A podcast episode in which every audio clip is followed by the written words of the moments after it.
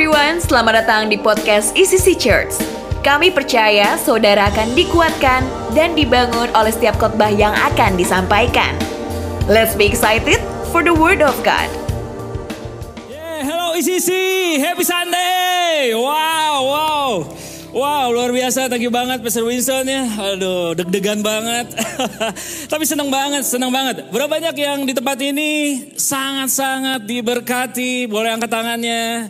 Yes, yes. Boleh bilang kiri kanannya. God is good all the time. Jangan lupa ke belakang bilang juga. God is good all the time. Yes, yes. Wow, saya senang banget ya. Kenapa? Karena emang Tuhan itu sangat-sangat baik. Dia selalu ada di setiap musim kita. Dan dia selalu memberikan kepada kita kekuatan, bahkan berkat yang luar biasa.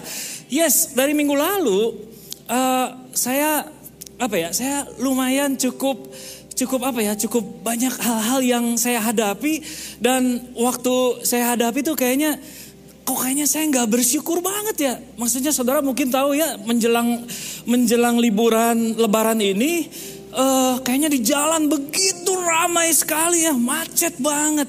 Siang-siang udah gitu panas banget, udah gitu hujan lagi saudara. Ya, udah hujan, saya hari Jumat nggak tahu kenapa pagi-pagi sakit kepala banget ya, sakit kepala banget. Jadi saya di situ melihat kayaknya, aduh kenapa kok saya nggak bersyukur ya. Tapi selama seminggu itu di tengah kemacetan, anak saya udah libur, saya nyetir sama anak saya yang kecil ya.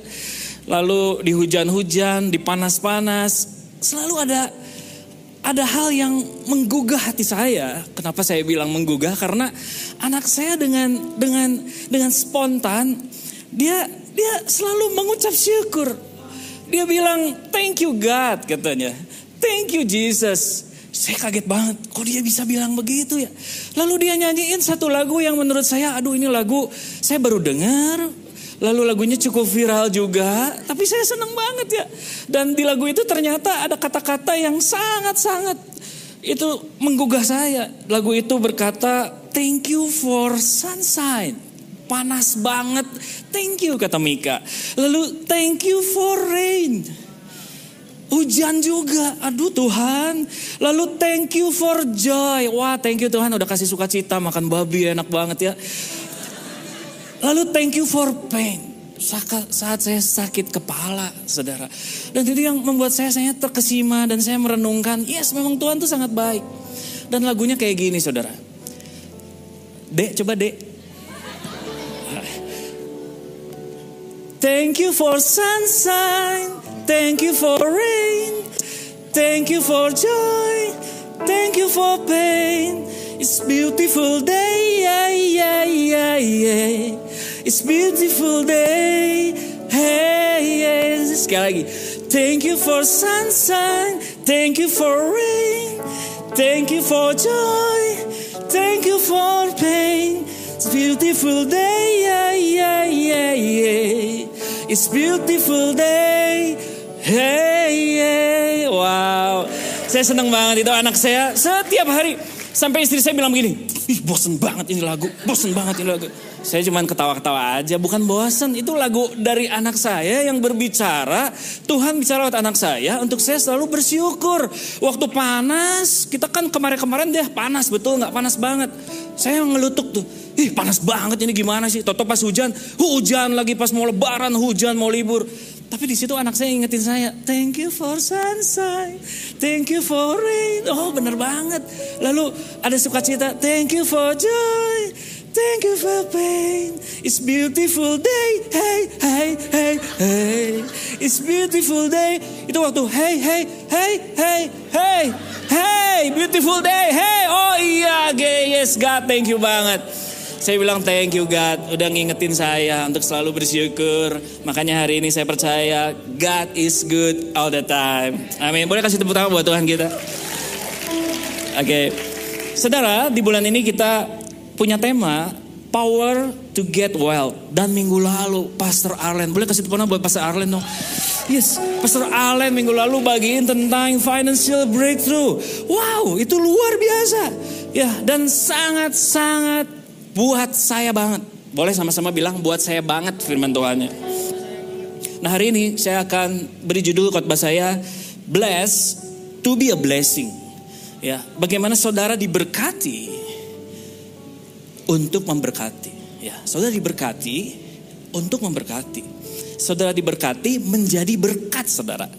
Nah, saya percaya waktu kita akhir tahun lalu, Desember, kita selalu bilang 2003 kayaknya masa-masa sulit. Betul, diprediksi selalu ada masa sulit saudara. Tapi bukan berarti kita pasti mengalami masa sulit itu.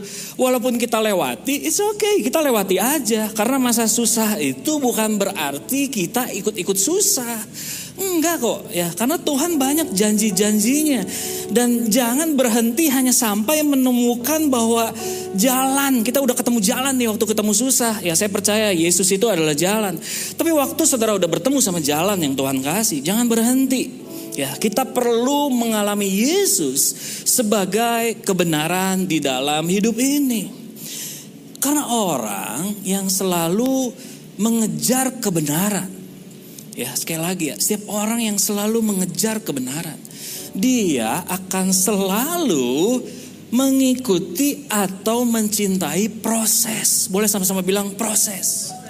Kalau engkau mengejar kebenaran, tapi kalau engkau selalu mengejar berkat, mujizat, kau mengejar selalu Tuhan mana berkatnya Tuhan, selalu hidupmu akan tergesa-gesa. Selalu hidupmu akan selalu, aduh kayaknya saya pokoknya pengen cepet tapi tergesa-gesa. Dan saudara akhirnya bisa terjungkal saudara ketika saudara tergesa-gesa. Tapi mari hari ini kita penting untuk mengenal Yesus sebagai kebenaran. Karena setiap kita pasti ketemu dengan masalah. Dan waktu saudara bertemu dengan masalah, maka masalah itu yang akan mengungkapkan siapa diri saudara sebenarnya.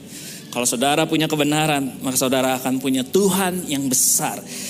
Di Amsal 11 ayat 19 dikatakan, siapa berpegang pada kebenaran yang sejati menuju hidup. Yang percaya katakan amin. Tetapi siapa mengejar kejahatan menuju kematian. Jadi mari kejar kebenaran saudara. Supaya saudara hidup. Dan hidup itu adalah saudara diberkati. Nah saudara hidup yang diberkati. Kita ini punya musim dalam hidup saudara. Kita ini punya yang namanya musim dingin. Ya musim semi, musim panas. Yes, karena tadi dikatakan bahwa kita itu punya kebenaran yang sejati. Nah, kebenaran yang sejati itu dari zaman kejadian di awal-awal zaman dulu kala, firmannya bilang selama dunia ini ada, selalu akan ada masa menanam dan masa menuai. Jadi musim dingin dan musim panas, musim kemarau, musim hujan, siang dan malam. Sampai hari ini saudara, kita hadapi setiap musim itu. Dan itu adalah kebenaran yang sejati yang kita harus hadapi. Dan saya percaya kalau saudara kuncinya mau diberkati. Mari kita lihat di Galatia 6 ayat 7 dan 9 bilang begini saudara. Jangan sesat. Boleh sama-sama bilang jangan sesat. Boleh bilang kiri kanannya, eh jangan sesat. Jangan sesat. Ini penting saudara ya. Jangan sesat. Allah tidak membiarkan dirinya dipermainkan. Karena apa yang ditabur orang itu juga yang akan dituainya. Nah ini kebenaran saudara. Ya jangan sesat. Ya, karena apa yang ditabur orang itu juga yang akan dituainya. Sebab barang siapa menabur dalam dagingnya, ia akan menuai kebinasaan dari dagingnya. Tetapi barang siapa menabur dalam roh, ia akan menuai hidup yang kekal dari roh itu. Ayat 9, janganlah kita jemu-jemu berbuat baik. Karena apabila sudah datang waktunya, kita akan menuai jika kita tidak menjadi lemah yang percaya katakan amin. Saudara ini kunci berkat. Ya, kalau minggu lalu Pastor Aren udah bilangin tuh habitsnya kita untuk kita diberkati. Ada lima hal betul banget. Tapi hari ini Tuhan bilang jangan sesat. Karena saudara kalau mau diberkati, simple aja. Karunia Tuhan yang diberikan buat kita untuk kita memperoleh kekayaan dengan kekuatan Tuhan. Salah satunya adalah prinsip menabur menuai. Prinsip saudara memberi dan diberi. Jadi dalam satu kehidupan berlaku yang berlaku di seluruh dunia ini saudara. Bahkan berlaku sama tumbuh-tumbuhan juga. Tuhan kasih contoh dengan tumbuh-tumbuhan yang ada. Saudara menabur jeruk, ya menuai jeruk. Bahkan dalam kehidupan kalau saudara ingin reward, saudara ingin hadiah, selalu ada kerja, saudara. Ya, jadi ini hukum. Kita mau panen, ya menanam dulu. Itu hukumnya, saudara. Yang tadi saya bilang jangan seisat, saudara ya. Nah, saudara menabur itu kita bahkan kita pun menabur kadang-kadang sampai mencucurkan air mata ya supaya saudara menuai sukacita. Nah, jadi mari semua yang kita lakukan, semua yang kita katakan, setiap pilihan yang kita buat, saudara, cepat atau lambat itu akan kembali lagi sama hidup kita. Ya, karena apa yang kita tuai, apa yang kita tabur, itu yang akan kita uh, tuai. Makanya tadi firman Tuhan bilang jangan sesat atau saudara jangan tertipu. Tertipu, hati-hati saudara. Ya, jangan sesat atau tertipu. Karena Allah tidak membiarkan dirinya dipermainkan. Nah, sering kali kita tertipu kenapa? Saudara, kita di dunia ini punya yang namanya hukum sebab akibat. Nah, hukum sebab akibat kalau dalam bahasa Sanskertanya adalah karma. Seringkali kita dengar hukum karma. Oh sebab akibat. Kalau dia jahat tuh pasti ah nanti juga modar loh kalau dia jahat. Puas banget. Nah kita selalu bilang begitu karma. Bahkan kalau kita kebetulan ya kita punya uh, kita punya orang yang kayaknya kita jahat banget hidupnya. Terus kita bilang, uh puas loh. Ya, itu hukum sebab akibat. Hukum karma. Nah hari ini mari kita lihat di sini Kenapa? Karena Tuhan itu jangan dipermainkan. Karena ada perbedaan antara hukum sebab akibat atau yang tadi kita bilang karma itu dengan hukum tabur tuai di dalam kasih karunia Tuhan. Ini penting supaya saudara nggak sesat. Kita lihat perbedaannya. Kalau hukum karma yang tadi saya bilang, saudara setimpal dengan perbuatan. Bahkan kita suka bilang puas loh Bahkan kalau saudara nonton film, ada film jahat banget. Kayaknya kok ini gak mati-mati orangnya. Terus pas dia mati langsung, Hah, puas lo ya, modar kowe. Misalnya begitu. Itulah setimpal dengan perbuatan. Tapi apa kata tabur tuai di dalam kasih karunia? Tidak setimpal dengan perbuatan. Mazmur 103 ayat 10 berkata, tidak dilakukannya Allah Maksudnya tidak dilakukannya oleh Allah kepada kita setimpal dengan dosa kita. Makanya hidup kita diberkati saudara. Ya, dan tidak dibalasnya kepada kita setimpal dengan kesalahan kita. Boleh bilang wow. Jadi beda banget hukum sebab akibat dengan tabur tuai di dalam kasih karunia. Kita punya Wow, punya hal yang besar saudara, untuk kita diberkati. Bahkan dikatakan kalau upah dosa itu maut, kasih karunia adalah hidup yang kekal yang diberikan oleh penebusan Kristus. Kemarin kita udah paskah ya. Lalu yang kedua, perbedaannya adalah kalau hukum karma sebab akibat, dapat pahala, dapat nirwana, nirvana saudara ya, itu grup band, ini nirwana. Jika menabur kebaikan. Ya. Jadi kita dapat pahala, oke, okay, dapat pahala, dapat nirwana. Tapi apa kata Tuhan? Justru kita diselamatkan karena iman. Saudara bukan hanya dapat nirwana, nirvana dan lain-lain. Saudara dapat hidup kekal. Saudara, saudara dan saya kita dapat hidup kekal. Dan ekspresi iman kita ya adalah keselamatan, bahkan hidup yang baik, hidup yang benar, saudara. Ya kita menabur yang baik karena membalas kasih Tuhan itu adalah motivasi dari iman yang sudah Tuhan nyatakan buat saudara dan saya yang percaya katakan amin. Yang ketiga saudara, kalau hukum sebab akibat atau hukum karma bilang hidup kita tuh hidup karena reinkarnasi. Jadi kalau saya hidup nih, saya mungkin dari tahun 2000 yang tahun 2000 tahun yang lalu saya hari ini hidup lagi. Kayak film Highlander gitu ya hidup lagi nggak mati-mati, nanti hidup lagi di zaman ini, di zaman ini. Bahkan Anda mendapat, uh, sorry, bahkan uh, kita bisa kembali ke dunia ini menjadi hewan. Kebayang nggak? Saya emang nggak mau dah. Kalau saya mati balik lagi jadi hewan, nggak mau embung teing. Nah makanya Tuhan bilang jangan sesat, saudara. Jangan sesat. Tuhan nggak bisa dipermainkan. Kenapa? Karena Ibrani 9 ayat 27 kalau di dalam hukum tabur tuai kasih karunia berkata, dan sama seperti manusia ditetapkan untuk mati hanya satu kali saja. Sesudah itu dihakimi. Jadi nggak ada reinkarnasi saya jadi binatang, saya jadi anjing gitu ya, atau saya jadi kucing manggil-manggil. Nggak mungkin saudara. Di sini dikatakan kita mati sekali lalu dihakimi. Bahkan kita tadi dapat hidup yang kekal karena iman kita. Yang keempat, saudara, di sini dikatakan menuai apa yang ditabur aja. Jadi kalau kita mendapatkan apa yang Anda peroleh. Jadi kalau kita memberi cinta, saudara dapat cinta. Kalau saudara balas dendam sama orang yang jahat sama kita, ya nanti one day saudara kita akan dibalas juga. Itu kalau hukum sebab akibat. Tapi kalau hukum tabur tua yang di dalam kasih karunia, kita itu ada plusnya.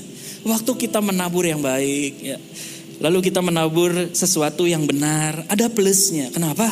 Karena kita menuai dari orang yang menabur juga, orang lain yang menabur juga. Yohanes 4 ayat 37 berkata, sebab dalam hal ini benarlah peribahasa yang seorang menabur dan yang lain menuai. Aku mengutus kamu untuk menuai apa yang tidak kamu usahakan. Orang-orang lain berusaha dan kamu datang memetik hasil usaha mereka. Wah ini nilai plusnya. Ya, saya bilang kalau saudara bersyukur punya orang tua yang baik, punya orang tua yang mengajarkan kebenaran sama saudara, mereka menabur saudara. Mereka menabur artinya engkong kita tuh menabur. Saudara yang menuai kebenarannya. Sama saudara, waktu ada misionaris yang mati, dipotong kepalanya maaf, lalu mungkin dia dibunuh, diracun, waktu datang ke Indonesia menyebarkan Injil, lalu yang menuai siapa? Kita yang menuai hari ini, jiwa-jiwa yang bertobat hari ini saudara dan saya, kita itu menuai dari mana? Dari para misionaris, di mana mereka menabur nyawa untuk keselamatan yang Tuhan kasih buat kita. Jadi nilai plusnya banyak saudara di dalam hukum tabur tuai atau apa yang tadi katakan Tuhan bilang jangan sesat. Jadi saudara jangan bawa hukum-hukum sebab akibat yang ada di dunia ini, tapi saudara selalu bawa hukum yang apa yang Tuhan kasih di dalam hidup kita yang percaya katakan amin. Baik, nah terus bagaimana hari ini kalau kita mau diberkati untuk supaya saudara memberkati? Mari jawabannya satu. Tadi jangan sesat, tapi kita mau menabur. Boleh sama-sama bilang menabur. Jadi yang pertama, kalau kita mau menabur, itu kita mau identifikasikan dulu apa yang saudara dan saya punya. Identify what we have. 2 Korintus 9 ayat 10 berkata, ia yang menyediakan benih bagi penabur dan roti untuk dimakan. Ia juga yang akan menyediakan benih bagi kamu, dengar saudara, dan melipat gandakannya dan menumbuhkan buah-buah kebenaran. Wow, kebenaranmu. Tadi saya bilang kalau kita mengejar kebenaran, maka saudara mengikuti proses. Menabur, menuai, mengikuti proses. Di sini dikatakan kalau engkau menabur, melipat gandakannya dan menumbuhkan buah-buah kebenaranmu oleh Tuhan. Nah dalam hidup ini selalu ada tiga hal yang harus kita lihat di sini. Yang pertama benih saudara. Benih itu adalah hal yang kita investasikan yang kita tabur, yang kita berikan, yang kita lepaskan. Karena itu benih, saudara bisa identifikasikan. Oh ya ini benih ya, benih. Ya, anggaplah biji saudara, ya atau kacang hijau saudara. Ya itu kan benih saudara. Itu bisa ditanam. Lalu yang kedua roti di sini dikatakan. Ia yang menyediakan menyediakan benih bagi penabur dan roti untuk dimakan. Jadi yang kedua itu roti. Roti buat apa saudara? Di dimakan. Bahasa Sundanya dileut Ya ngalah ah, nah itu ya. Jadi dimakan. Di roti bukan bukan ditanam, dimakan, harus dihabiskan, dinikmati, Saudara. Dan kalau kita tidak melakukan dua-duanya, ada benih dan ada roti, maka yang ketiga selalu ada hal yang percuma. Lihatin sampai busuk begini, saudara. Karena nggak dimakan-makan, karena nggak tahu orangnya. Ini teh apa ya? Roti itu teh. Mari identifikasikan apa yang kita punya. Dan saya percaya saudara, kalau kita nggak mau melakukan, nggak identifikasikan dua hal ini, maka lama-lama sia-sia, nggak ditabur, nggak dimakan, saudara. Nah terus bagaimana kita bisa bertumbuh, menumbuhkannya? Kita bisa lihat berkatnya gimana? Ya nggak bisa, saudara. Anggaplah, saudara percaya ya hari ini, Tuhan itu Allah yang baik. Dia itu Allah Alfa di awal dan Alfa yang Omega, saudara. Nah jadi anggaplah begini, kalau Tuhan tuh bilangnya begini. Jadi kita tahu Tuhan bilang dia yang menyediakan menyediakan benih saudara. Nah benih. Nah Tuhan itu bisa lihat. Jadi dari benih itu saudara itu endingnya ada di mana? Oh di pohon yang besar di sini saudara. Di pohon yang besar. Tapi karena dia Tuhan Allah Alfa dan Omega. Dia tarik ke belakang saudara. dari pohon yang besar tadi, setelah hidupnya diberkati, dia tarik ke belakang menjadi sebuah benih. Dan sumbernya adalah benih ini saudara. Terus benih ini kan gak kelihatan. Nah makanya kita yang identifikasikan. Oh iya ini benih ya. Nah Tuhan mau sumber kita itu dari benih. Jadi saudara tahu bahwa benih ini harus kecil banget benih ini ya. Kecil, kecil banget. Dan uh, nanti one day saudara itu akan melihat jawabannya ketika ada di sini. Buat apa sih Tuhan kita tanam ini Tuhan? Ah nggak penting lah, nggak penting lah, nggak usah lah. Eh tapi ternyata waktu saudara ada di sini, saudara akan bersyukur. Untung gua tanam tuh benihnya. Untung gua tanam. Kenapa? Karena memang Tuhan yang memberikan pertumbuhan. Kalau ada benihnya. Kalau saudara nggak punya benihnya, mau gimana Tuhan tumbuhkan? Nggak mungkin. Nah saudara yang harus tanam. Saudara yang harus lepaskan. Saudara yang harus berikan saudara untuk ditanam maka Tuhan yang akan menumbuhkan. Kita yang menyiraminya, Tuhan yang akan menumbuhkannya. Dan ukuran besarnya pohon ini, saudara, itu nggak ada hubungannya sama benih awalnya. Kalau saudara ingat makan buah mangga, bijinya segede apa sih, saudara? Kecil kan? Ya, segini lah. Tapi pohonnya tahu nggak segede gimana? Lumayan lah, segede ya mungkin dua kali tinggi saya lah pohonnya ya. Tapi tahu nggak saudara kalau makan buah rambutan? Rambutan itu buah bijinya lebih kecil lagi. Tapi pohonnya tahu nggak segimana? Itu pohonnya bisa lima kali gedenya saya saudara. Jadi nggak ada hubungannya benih sama ukuran pohon. Jadi benih itu selalu kecil, nggak bisa dilihat dan perlu iman, perlu perlu Tuhan, perlu kebenaran supaya saudara bisa melihat hasil ukurannya saudara. Ya, jadi apa pun itu perlu kita tanam benihnya. Karena matematika Tuhan tuh beda sama kita. Jangan kita suka bikin matematika baru. Hukumnya dua kali dua empat. Dua tambah dua empat. Terus kita bikin matematika, matematika baru. Dua tambah dua sembilan. Dari mana neng? Jangan bikin matematika baru. Percaya aja sama Tuhan. Ya. Nah bentuk benih itu ide saudara nasihat dari orang tua itu benih. Ya. Lalu tenaga kita, pikiran kita itu benih yang bisa kita tanam. Uang mungkin bisa juga uang itu jadi benih. Pokoknya seluruh aspek kehidupan kita kita harus bisa identifikasikan. Oh ini one day jadi benih, ini jadi roti yang harus gua habiskan supaya nggak sia-sia. Boleh katakan sia-sia. Nah, jadi saudara harus mengerti. Kebayang nggak ide orang yang memberikan kancing saudara? Ini ide loh, punya kancing. Ya, berapa banyak orang yang punya ide bikin kancing, kekayaannya luar biasa. Karena dia cuma punya ide kancing. Benihnya mikir, ide, saudara. Ya, itu cuma contoh-contoh. Nah, kita lihat di sini contoh Alkitab di satu Raja-Raja 17, saudara. Saudara ngerti lah, waktu Elia dia disuruh sama Tuhan ketemu janda Sarfat, ya. Di situ Elia bilang, "Eh, lu kasih minum gua dong, gua haus banget." Lalu si jandanya kasih minum. Terus yang kedua, coba dong bikinin gua roti kata si janda eh kata si Elia bilang ke janda ini. Lalu perempuan itu bilang, "Aduh demi Tuhan. Demi Tuhan lu, Allah yang hidup. Saya tuh nggak ada roti. Saya cuma punya apa? Segenggam tepung. Tepung tempayan, sedikit minyak dalam buli-buli. Lalu sekarang sedang mengumpulkan dua tiga potong kayu api. Kemudian aku pulang mengolahnya bagiku dan bagi anakku. Setelah kami memakannya, kami mati. Sedih banget. Tapi di ayat 13 Elia bilang begini. Janganlah takut. Pulanglah buatlah seperti yang kau katakan. Tetapi, tetapi. Buatlah lebih dahulu bagiku sepotong roti bundar kecil daripadanya. Roti itu hasilnya. Tapi si janda ini dia tanam dulu tepungnya, benihnya sampai dia bikin jadi roti dan bawalah kepada aku. Kemudian barulah kau buat bagimu dan bagi anakmu. Dengar saudara, ayat 14. Sebab beginilah firman Tuhan Allah Israel. Tepung dalam tempayan itu nggak akan habis. Dan minyak dalam buli-buli itu pun tidak akan berkurang. Sampai pada waktu Tuhan memberi hujan ke atas muka bumi. Boleh bilang wow. Yes, jadi tabur dulu tepungnya si benih itu, kemudian jadi roti. Ya, invest dulu tepungnya menjadi roti buat Elia. sehingga engkau menuai tepung minyak terus nggak habis-habis sampai hujan datang kalau saudara baca di terusannya. Jadi mari hari ini apa pun yang kamu inginkan, ayo lakukan.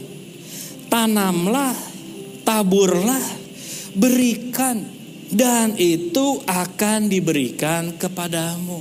Kalau saudara sudah tahu mengidentifikasikan, yes, ini benih untuk ditanam, ini roti untuk dimakan, supaya tidak sia-sia. Benih itu yang tadi saya katakan, ide, pikiran, perbuatan kita itu benih loh.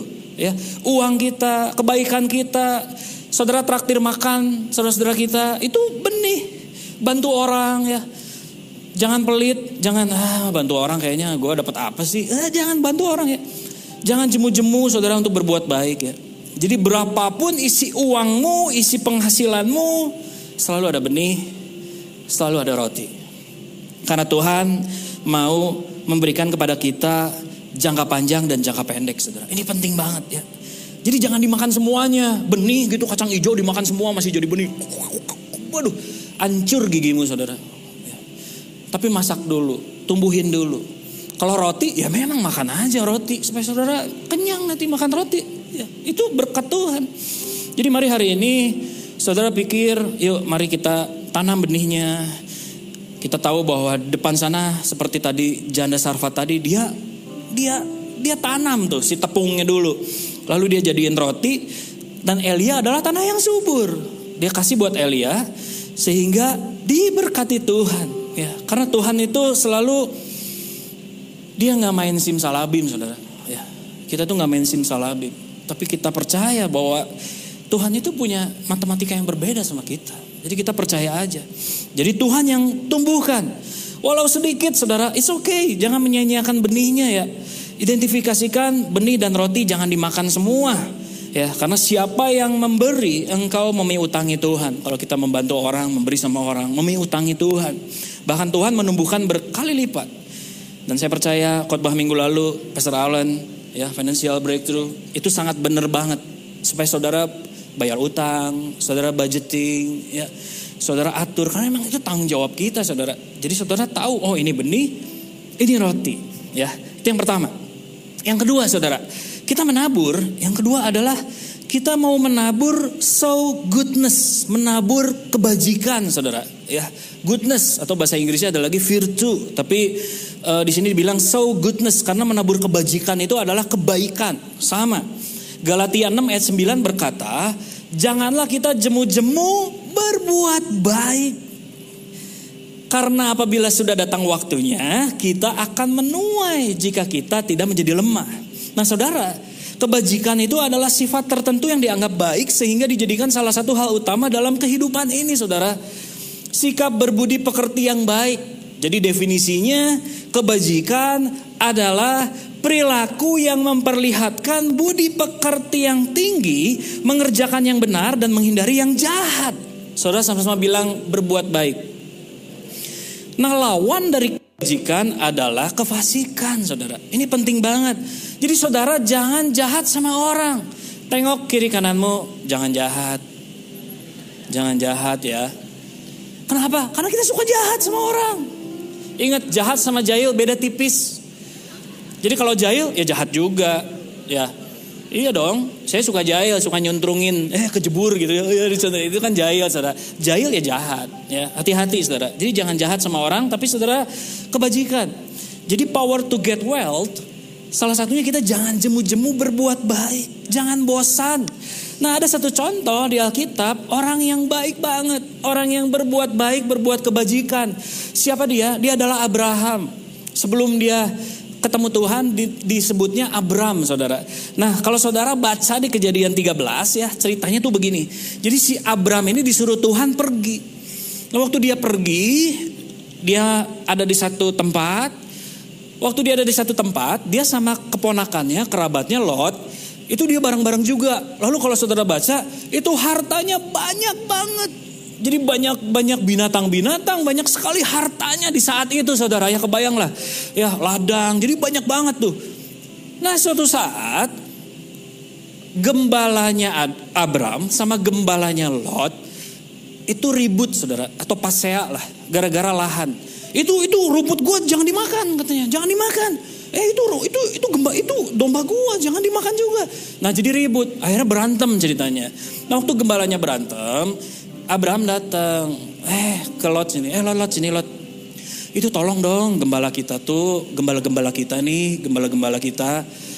Jangan pada pasea lah, malu atuh kita ini kerabat, kita ini saudara, masa kita cuman kayak begini aja ribut. Udah udah gini aja, udah gini aja. Sok kamu pikir, kamu mau ke kiri, ya saya ke kanan. Kalau kamu mau ke kanan, ya saya ke kiri, sok silakan. Nah baik banget tuh Abraham ya, dia kasih solusi, dia baik banget. Dia nggak gini, itu enak aja ya gembala gua di zolimi, sini lu, gua hajar. Abraham nggak begitu. Ya gantiin itu semua tadi domba-dombanya dimakan. Enggak, Abraham nggak begitu. Dia baik banget. Dia sok, lu mau ke mana? Ke kiri ke kanan. Lihatlah Lot. Lot tuh lihat satu daerah namanya Lembah Yordan. Dulu sebelum di Sodom dan Gomora sebelum dihancurin. Jadi waktu dia lihat lembah Yordan, wih keren banget, airnya bagus, negerinya oke. Okay. Ah udah deh gue ke sana lah. Jadi Lot minta, ya saya ke sana. Ya udah, kata Abraham sok, lu ke sana aja. Nah tapi apa di sini dikatakan waktu hasil dari apa yang Abraham lakukan sama Lot, kebajikan, kebaikan yang Abraham berikan sama Lot. Firman Tuhan bilang begini di ayat kejadian 13 14. Setelah Lot berpisah dari Abraham, Berfirmanlah Tuhan kepada Abram, pandanglah sekelilingmu dan lihatlah dari tempat engkau berdiri itu ke timur dan barat, utara dan selatan. Saudara dengar ini hasilnya. Sebab seluruh negeri yang kau lihat itu akan kuberikan kepadamu dan kepada keturunanmu untuk selama-lamanya. Dan aku akan menjadikan keturunanmu seperti debu tanah banyaknya. Sehingga jika seandainya ada yang dapat menghitung debu tanah, keturunanmu pun akan dapat dihitung juga. Boleh bilang wow. Kalau saudara baik sama orang, kalau saudara hidupmu penuh dengan kebajikan, jangan jemu-jemu berbuat baik. Maka Tuhan lihat ya. Tadi kebayang kan kalau Lotnya bilang, ah gue ke sini aja lah. Ya udah lembah Yordannya buat Abram berarti. Tuhan pasti akan bilang yang lain juga tentang berkat ini. Jadi mari hari ini karena kebajikan Abraham. Jadi Abraham itu bukan oleh tanah. Abraham diberkati. Tapi oleh Abraham lah tanah kanan itu diberkati. Dan tanah yang kamu injak ke situlah berkat oleh Tuhan. Jadi engkau yang masih pelajar hari ini, yang masih mahasiswa, engkau jangan bilang, sekolah kampusmu itu yang memberkati saya ada di sekolah yang terkenal ini. No. Engkau yang masih sekolah dan yang masih kuliah, engkau harus bilang dan berkata, karena kamu, kamu diberkati di kampusmu. Karena hidupmu, kamu akan diberkati di sekolahmu. Dengan kata lain, bukan karena bisnis kita juga, bukan karena pekerjaan kita yang menjadikan hidup saudara diberkati. No. Tapi saudara harus bilang, karena Tuhanlah, karena hidupmu lah, maka bisnismu dan kerjaanmu diberkati yang percaya katakan amin. Tuhan janji di Galatia 3 ayat 9 berkata, jadi mereka yang hidup dari iman, mereka lah yang diberkati bersama-sama dengan Abraham yang beriman itu. Jadi ke mana pun kau ditempatkan, ayo bawa kebajikan, kebaikan, dan kau pasti akan diberkati. Sama seperti Abraham diberkati. Yang percaya katakan amin. Nah lalu bentuk menabur kebajikan yang kedua adalah mari buatlah dompet yang tidak dapat usang. Yaitu ada di Lukas 12 ayat 33 berkata, jualah milikmu dan berikanlah uangnya kepada orang miskin. Buatlah untuk dirimu dompet yang tidak dapat usang, yaitu harta yang disimpan di surga. Harta itu tidak bisa hilang karena pencuri tidak dapat mengambilnya dan rayap tidak dapat merusaknya. Sebab di mana hartamu di situ juga hatimu. Ini terjemahan bahasa Indonesia sehari-hari. Boleh sama-sama bilang dompet yang tidak usang. Nah, yang tidak dapat usang. Saudara, ayo menabur kebajikan tuh ayo berikan dompetmu yang tidak usang itu di mana sih? Mengumpulkannya di surga, Saudara. Dimulai dengan melatih diri hari ini, Saudara memberi bagi Tuhan dan sesama. Itu dompet harta yang sesungguhnya. Dan dompet harta yang sesungguhnya itu ada di mana sih? Ya ada di rumah Tuhan. Jadi kalau saudara belajar memberi buat rumah Tuhan, saudara menolong orang, saudara menolong sesama, memberi sesuatu buat orang. Justru itu hal-hal yang nggak pernah dapat usang saudara dengan kasih. Dan waktu saudara belajar untuk selalu tindakan tersebut, saudara sedang fokus sama Tuhan. Belajar fokus sama Tuhan.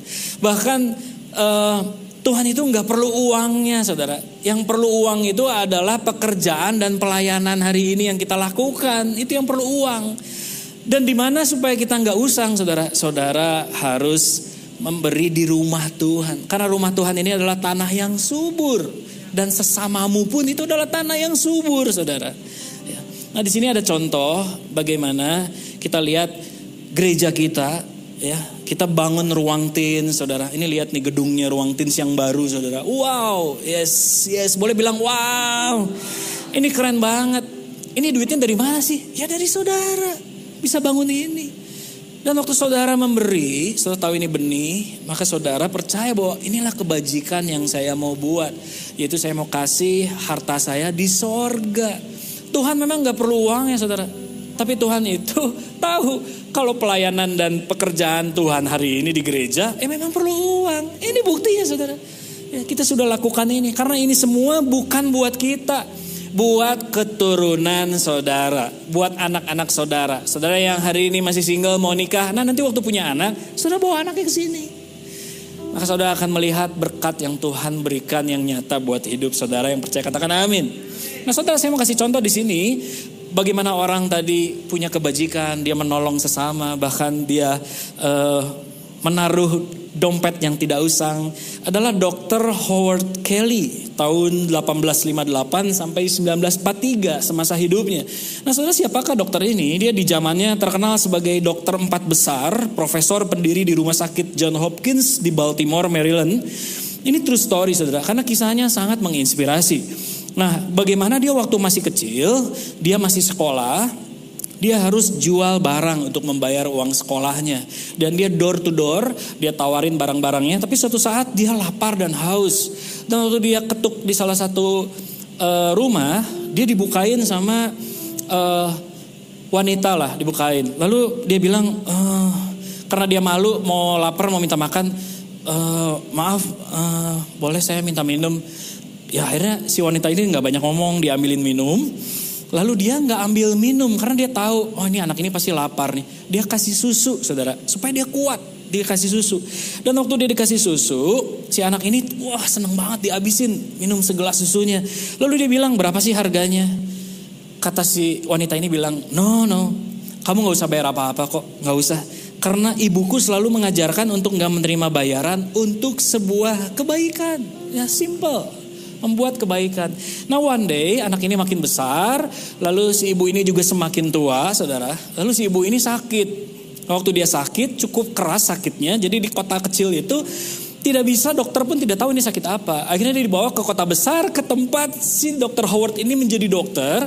Dan waktu dokter Howard ini dia bilang ini ada seorang yang sakit, sakitnya kebetulan dia memang menanganinya saudara. Dan akhirnya si dokter Howard Kelly ini dia lihat loh ini si ibu ini kotanya ini kota kelahiran gue nih kecil nih. Nah akhirnya dia lihat, eh bener dong, ini gue kenal banget orang ini. Oke singkat cerita, dia bergegas turun ke rumah sakit itu, melihat wanita itu. Sejak hari itu ia memberikan perhatian khusus untuk wanita tersebut. Ya setelah perjuangan yang cukup lama, per, akhirnya wanita ini disembuhkan. Wow luar biasa ya, karena Tuhan ikut andil di sini. Ya wanita ini akhirnya sembuh. Dan tahu nggak saudara, waktu si dokter ini dia bilang sama rumah sakit, eh itu tolong bilnya kasihin saya dong, kasihin saya. Dan waktu dia dikasih bilnya, si dokter ini bayar, saudara. Dia bayar sampai lunas si biayanya, dia bayar, ya. Dan waktu uh, petugas rumah sakit memberikan bilnya kepada wanita itu, wanita itu sempat dia sempat malu, sempat takut karena aduh pasti ini biayanya mahal banget dan saya nggak tahu bayarnya gimana. Tapi akhirnya dia ya dia buka juga lah. Nah waktu dia buka dia kaget banget karena ada tulisan di sana semua lunas telah dibayar lunas dengan satu gelas susu. Wow, tertanda Dr. Howard Kelly. Wow, air mata kebahagiaan, wah tercurah saudara ya. Dan saya percaya bahwa Tuhan itu selalu melihat benih kebaikan dari setiap orang. Simpel banget, cuma dikasih susu waktu kecil. Tapi waktu dia jadi dokter, dia bisa menyembuhkannya karena Tuhan tahu. Dan Dr. Howard Kelly ini bukan orang yang gak tahu diri. Dia bahkan melunasi semua biayanya dengan satu kata yang selalu menjadi inspirasi buat hidup kita hari ini. Lihat-lihat sini dia bilang, dia bilang telah dibayar lunas dengan satu gelas susu. Wow, boleh bilang kiri kanannya jangan jemu-jemu berbuat baik. Because giving is the best communication. Ini penting saudara. Karena waktu kita memberi, buat orang, kebaikan, saudara menolong orang, saudara saudara memberikan kebajikan, kebaikan, ya. Maka saudara akan bisa menjadi best communication waktu saudara mau memberi. Yang percaya katakan amin. Yang ketiga saudara, yang ketiga. Yang ketiga adalah sow tears atau menabur cucuran air mata. Ya. Mazmur 126 ayat 5 dan 6 berkata, Orang-orang yang menabur dengan mencucurkan air mata akan menuai dengan sorak-sorai, bersorak-sorai. Orang yang berjalan maju dengan menangis sambil menabur benih, pasti pulang dengan sorak-sorai sambil membawa berkas-berkasnya. Saudara kita renungkan di sini, saya juga merenungkan, menabur sambil mencucurkan air mata itu berarti, berarti saat di mana saya itu waktu menghadapi hidup yang gak ideal, mungkin saudara lagi gak punya uang, mungkin saudara lagi gak punya roti untuk dimakan. Tapi ada orang yang kesusahan yang datang untuk kita kasih saudara. Nah inilah menabur dengan mencucurkan air mata. Tapi kayaknya belum seberapa kalau saya lihat behind atau lihat di belakang ayat firman Tuhan ini ditulis. Nah kita bandingkan kitab Mazmur ini ditulis saat umat Israel dia mengalami pembuangan ke Babel karena kalah saudara. Israel kalah perang, dibuang ke Babel, lalu 70 tahun hidup di Babel. Nah kalau saya membayangkan ayat firman Tuhan ini, ya memang sih ya, pasti menabur dalam air mata. Karena waktu dia dijajah di Babel, dia hilang identitas, dia benar-benar nggak tahu siapa dirinya lagi, kehilangan istri, suami, keluarga, bahkan apa yang ditabur saat itu semua dihabisin saudara. Dan ini contoh gambarnya lah ya. Ini dihabisin semua. Jadi Israel itu udah nggak berbentuk lagi, udah hancur semuanya, nggak tahu ngapain. Tapi ada semangat waktu kerajaan Babel dikalahkan oleh kerajaan Persia, saudara. Dan seorang raja Persia yang bernama Kores, ya, dia bilang itu sekitar tahun ya 539 sebelum Masehi lah kurang lebih ya menurut sejarah saudara. Dan si Raja Kores ini bilang begini, hei kamu umat Israel balik sana ke tanah lu, pusing lu ada di sini katanya. Jadi disuruh balik semua. Nah kebayang nggak? Waktu dia balik ke tanah Israel ada semangat, tapi semangatnya Gimana sih coba kebayang gak? Saudara ya misalnya mau balik lagi ke tanah asal. Tapi waktu saudara mau balik lagi ke tanah asal. Itu tanah hancur semua saudara. Tanah Israel hancur semua. Jadi dia harus memulai lagi menabur, membangun rumah sambil nangis. Aduh, ini rumah gua dulu hancur lebur. Ini anak istri gua mati di sini dibakar hidup-hidup. Kebayang nggak saudara? Kebayang nggak? Ya, lalu men menabur dengan mencecurkan air mata. Tapi firman Tuhan akan bilang bahwa akan menuai dengan bersorak-sorai. Dan bangsa Israel dia bersorak-sorai karena dia percaya ada Tuhan yang selalu nemenin dia di mana pun berada saudara ya. Jadi bayangin sedih banget bangsa Israel pada saat itu. Nah hari ini mungkin kita juga lagi menghadapi hal yang sama. Nah saudara ada satu tokoh ya. Ada satu tokoh yang bernama Zo, Zu atau Zoe ya, Zoe Koplowitz lah, nggak tahu saya terjemahannya apa namanya. Ya, sekarang masih hidup, orang itu usianya 74 tahun, tapi waktu dia berusia 59 tahun, dia setiap tahun mengikuti maraton di New York tahun 2011 ya. Saudara tahu dia ngikutin maratonnya berapa kali? 20 kali ikut maraton. Tapi tahu nggak saudara? Dia nggak menang waktu ngikutin maraton ini. Sebaliknya Zoe selalu finish di urutan terakhir. Kok bisa sih di urutan terakhir? Jadi juara pertama itu menghabiskan waktu sekitar 2 jam 42 kilometer. Ya, siapa di sini yang suka lari pasti tahu 42 km eh dun jauh banget.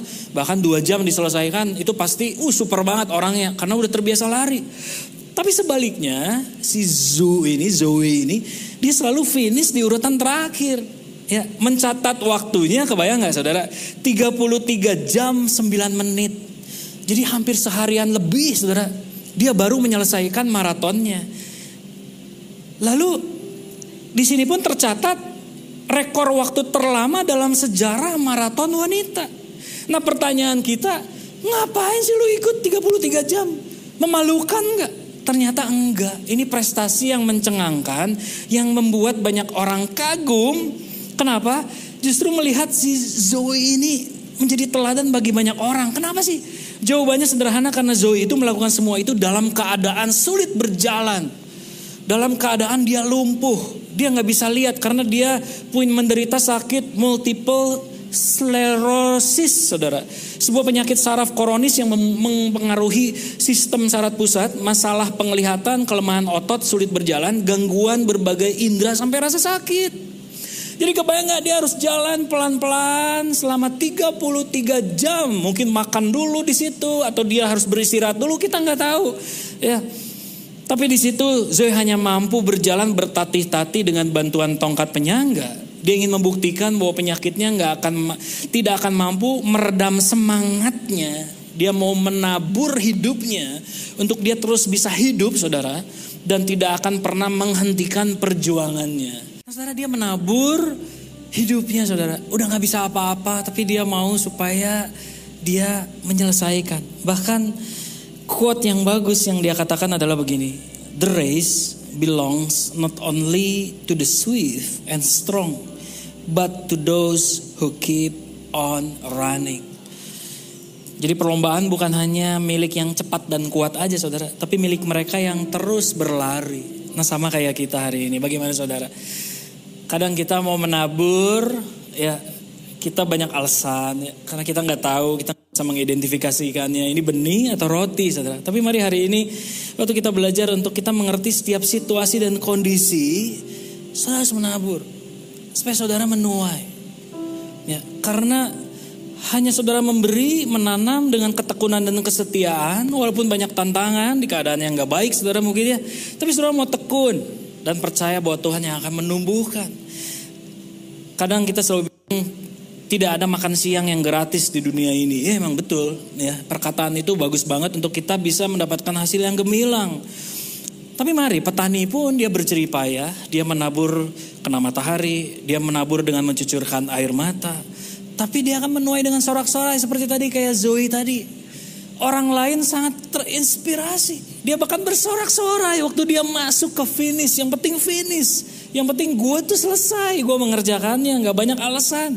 Sama kayak saudara waktu sekolah, saudara belajar, saudara bikin tugas sampai malam, sampai subuh.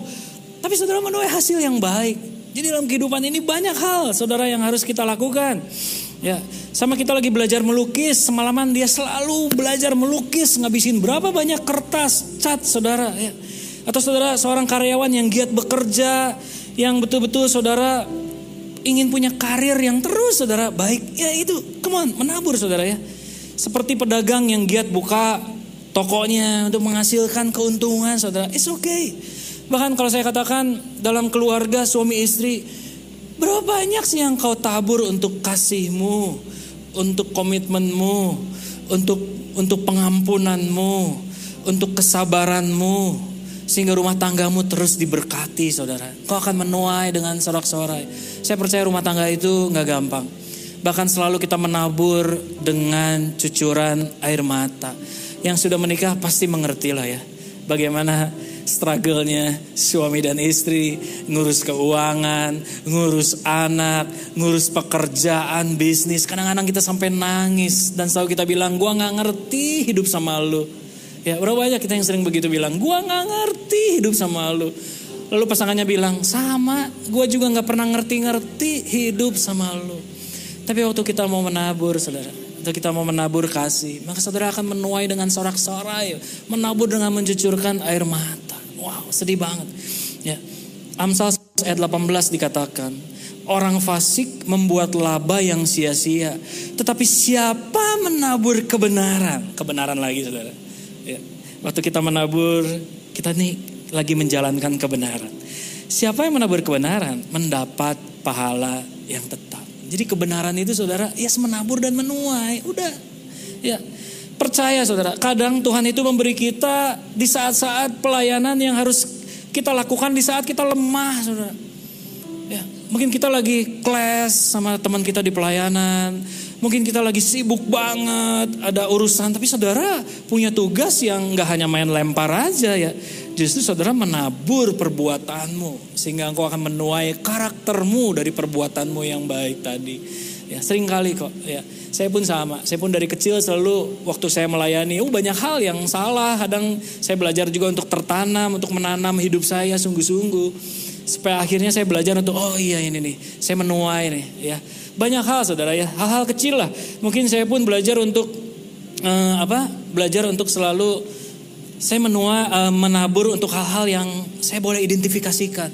Ya, mungkin saya menabur dengan air mata di saat keadaan lagi memang sulit banget nih. Tapi saya diingetin Tuhan untuk tolong dia, bantu dia, bantu uang sekolahnya, bantu untuk hidupnya dia. Ya mungkin mungkin sometimes kehidupan kita selalu begitu ya ada up and down. Karena kita ini manusia. Jangan saudara lihat kalau pastor itu sakti. No, kita juga sama kayak saudara Ya, sama kok. Saya juga kadang kalau lagi sedih-sedih. Cuma di sini aja kayaknya saya nangis. Tapi kalau sama istri saya dia tahu, saya suka nangis, Saudara. It's okay. Ya, itu manusiawi. Tapi waktu di saat saya yang sulit, Tuhan ingetin, tolong si ini. Jemput si ini. Bantuin si ini, antar dia. Ayo, itu semua perbuatan-perbuatan ya yang akan menuai karakter kita. Dan saya percaya waktu kita lakukan hal-hal yang kecil Saudara ya, Melakukan hal yang kecil yang berharga, saudara. Saya percaya pengharapan itu ada dalam Kristus.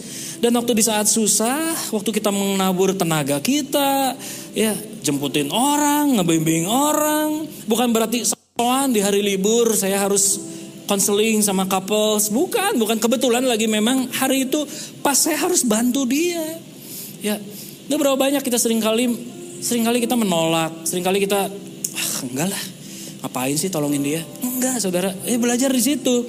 Nanti saudara akan menuai hal yang luar biasa. Ya. Waktu saya banyak bantuin orang, ngebimbing orang, puji Tuhan anak saya disembuhin dari asma. Itu kan hal yang mulia ya, saya menuai dengan sorak-sorai. Naburnya, aduh, cucurkan air mata saudara. Itu cuma contoh-contoh ya, kelebihan-kelebihan yang Tuhan kasih waktu kita uh, apa kita menuai dengan sorak-sorai. Karena orang yang menabur dengan air mata, bila kita tetap dalam Tuhan, maka di dalam firman kebenaran, maka akan menuai dengan sorak-sorai. Yang terakhir saudara, yang terakhir. Bless, to be a blessing. Saudara diberkati, untuk saudara memberkati. Karena memang itulah yang Tuhan mau saudara. Kita diberkati untuk kita menjadi berkat buat orang saudara. Joyce Meyer bilang begini di quote-nya. Tuhan ingin menggunakan Anda atau saudara untuk membuat orang lain bahagia. Dan semakin bahagianya saudara atau Anda membuat orang lain, semakin bahagia Anda karena Anda menuai apa yang Anda tabur. Wow, ini bagus banget. Jadi mari kalau saya definisikan dalam pikiran saya, mari pergunakan uang kita, materi kita, ya kekuatan yang Tuhan kasih sama kita bukan sama bukan soal uang, tapi saudara punya kelebihan untuk membangun hubungan, saudara.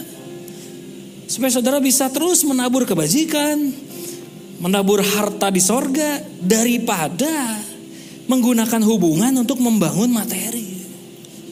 Pergunakan materi untuk membangun hubungan daripada pergunakan hubungan untuk membangun materi. Jadi disiplin memberi, menabur, menanam, menginvestasikan hidup kita. Saya percaya Tuhan yang akan memelihara kita yang percaya katakan amin. Karena Tuhan cuma perlu benih, saudara. Rencana Tuhan tuh nggak pernah tergantung sama uang kita. Jangan kita GR ya kayaknya uang kalau dengar-dengar kata-kata menabur. No. Menabur itu semua hidup kita. Kepintaran kita, talenta kita, uang kita, kerjaan kita, perbuatan kita saudara. Ini penting banget. Jadi jangan iri sama ladang orang lain. Ya. Kelola apa yang Tuhan berikan sama kita. Ya saudara. Karena kita perlu hati yang luas pikiran yang luas untuk bisa mengelola uang yang besar buat hidup kita, materi yang Tuhan kasih sama kita. Contoh waktu saudara punya materi, saudara bisa ambil job sama teman-teman kita. Misalkan saudara ingin renovasi rumah, ya sama teman-teman kita yang di dalam Tuhan ini saudara. Karena saya percaya dia akan memberikan yang terbaik buat saudara. Dan jangan nawar-nawar, nawarnya keterlaluan lagi. 75% ya, gile. Jobnya 10 juta, lu tawar 75%. Oh my God. Itu namanya saudara bukan memberkati. Itu namanya saudara bikin susah saudara. Hal kecil lah. Saya sering kali beli ke satu sahabat saya, anak komsel saudara ya. Dia suka jualin daging babi saudara. Saya selalu beli sama dia, selalu beli dia. Saya nggak pernah nawar-nawar. Ambil 2 kilo ya, oke. Okay. Ambil 3 kilo, ambil, ambil. One day, nggak perlu saya minta diskon, dia kasih diskon lebih. Kadang banyak yang saya beli ya, udah buat komario aja. Eh jangan, gue ini enggak enggak buat komario aja.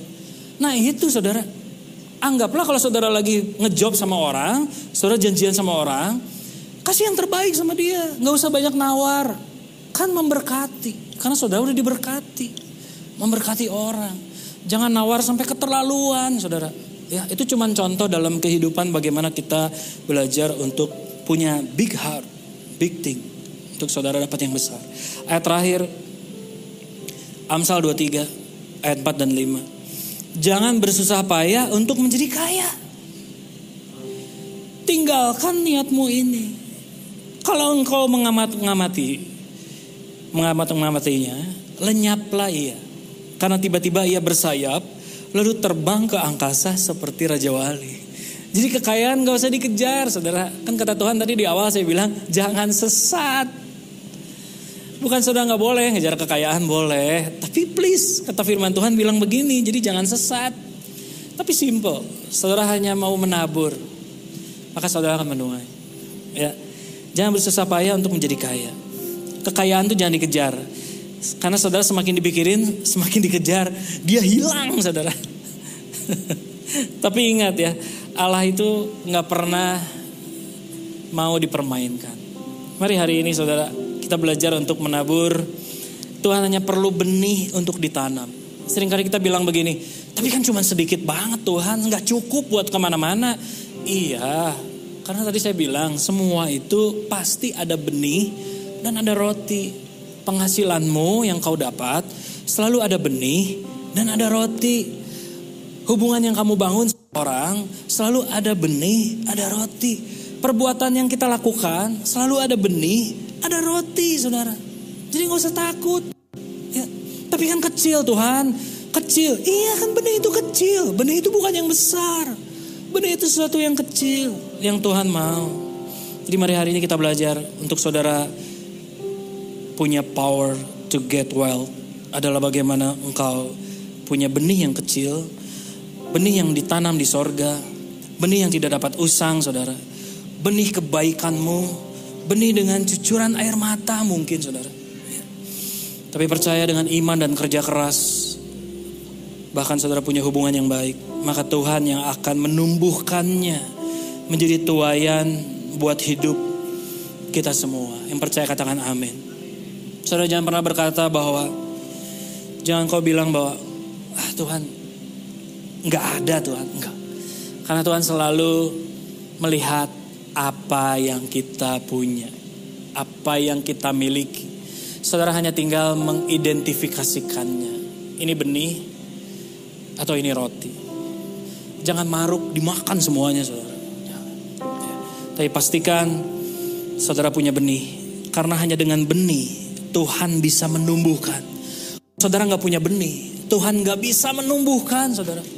Dan kita selalu bilang, Tuhan mana sih berkatmu Tuhan? Mana berkatmu Tuhan? Mana, mana Tuhan? Kamu punya benih gak? Kata Tuhan. Kan aturannya itu. Jadi jangan sesat. Jangan permainkan Tuhan. Kalau saudara punya benih, ayo lakukan itu. Maka Tuhan yang akan menumbuhkannya menjadi tuayan buat hidup kita semua. Sekali lagi yang percaya katakan amin. Saya percaya ini pesan yang khusus buat setiap kita yang mendengarkan.